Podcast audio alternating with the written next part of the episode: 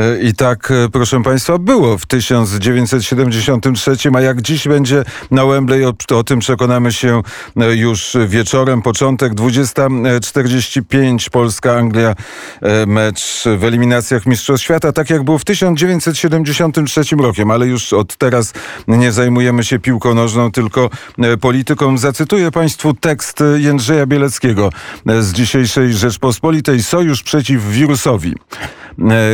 Kujmy żelazo póki gorące, apeluje szef Światowej Organizacji Zdrowia. To reakcja, na list przywódców 25 krajów, którzy chcą międzynarodowego traktatu o stawienia czoła zarazom w przyszłości.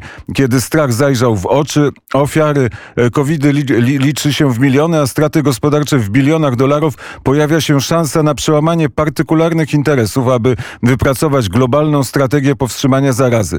Bo gdy fala pandemii opadnie, e, bardzo prawdopodobne, że świat wróci na, w stare kolejny. Bill Gates ostrzega.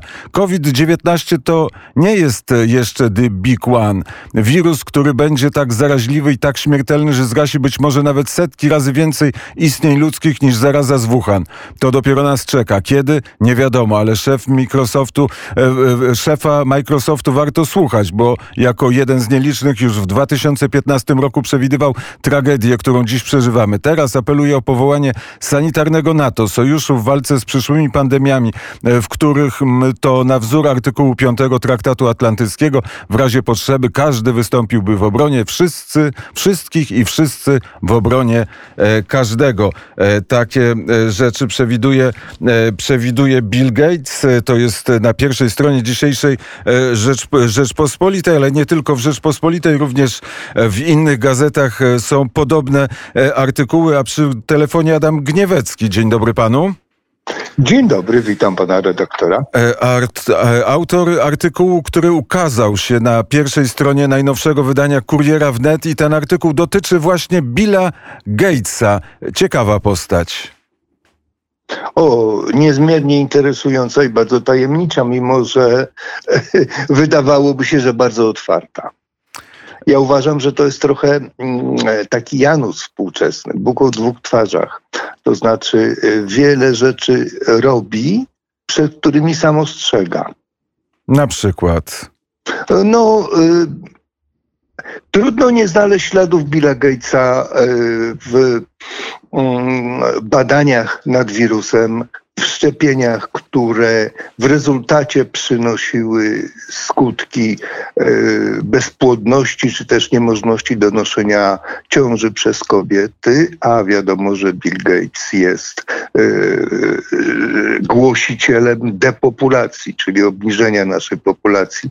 Niektórzy mówią, że nawet do 10 czy 15% obecnej. E, ten artykuł, który jest e, w kurierze, ma tytuł Bramy do e, przyszłości. Taka gra słów w języku angielskim. Wiadomo dlaczego ta gra słów. Czy było coś, co pana szczególnie zaskoczyło podczas pisania tego artykułu? Y, szczególnie mnie zaskoczyły przepowiednie Billa Gatesa, który niezwykle, niezwykle celnie trafia swoimi przepowiedniami w wydarzenia, które następują. Tak było z wieszczeniem tych epidemii, które nas dotykają. Rzeczywiście pierwszy raz w 2015 roku epidemię wieszczył, potem jeszcze parokrotnie, a dosłownie dwa miesiące z hakiem przed wybuchem ostatniej epidemii COVID-19 Y, zorganizował ćwiczenia w Nowym Jorku, w których wzięli udział ludzie tak samo bogaci jak on, bardzo wąskie grono oraz y, wielu wpływowych polityków i ludzi mediów ze Stanów Zjednoczonych i ćwiczenia zakończono w momencie, to były ćwiczenia y, symulowanie pandemii i zakończono je w momencie, kiedy na świecie zmarło w tej symulacji około 65 milionów osób.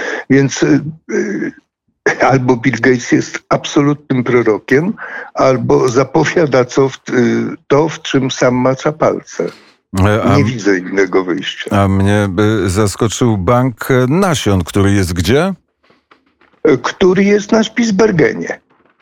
Y, Rzeczywiście niedawno zbudowany y, podziemny tunel wykuty w wiecznej zmarzlinie, tunel o długości 120 metrów, w którym y, przechowywać się będzie docelowo. W tej chwili około miliarda, a będzie się przechowywać 2,5 miliarda nasion po 500 z różnych gatunków, praktycznie wszystkie gatunki, które występują na Ziemi, a wiemy, że Bill Gates jest też e, orędownikiem żyw żywności GMO, czyli genetycznie modyfikowanej.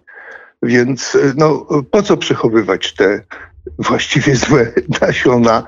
No, może dla siebie? I to jest e, pytanie na te i inne pytania na temat Billa Gatesa. Znajdą Państwo odpowiedź, jeżeli będą Państwo czytać najnowsze, najnowsze wydanie Kuriera Wnet. Bardzo serdecznie e, dziękuję za rozmowę. Dziękuję bardzo. Adam Gniewecki, art, autor artykułu o Billu Gatesie w najnowszym Kurierze Wnet, był gościem poranka Wnet. Na stole leżą gazety, ale my teraz zajrzymy do studia Dziki Zachód.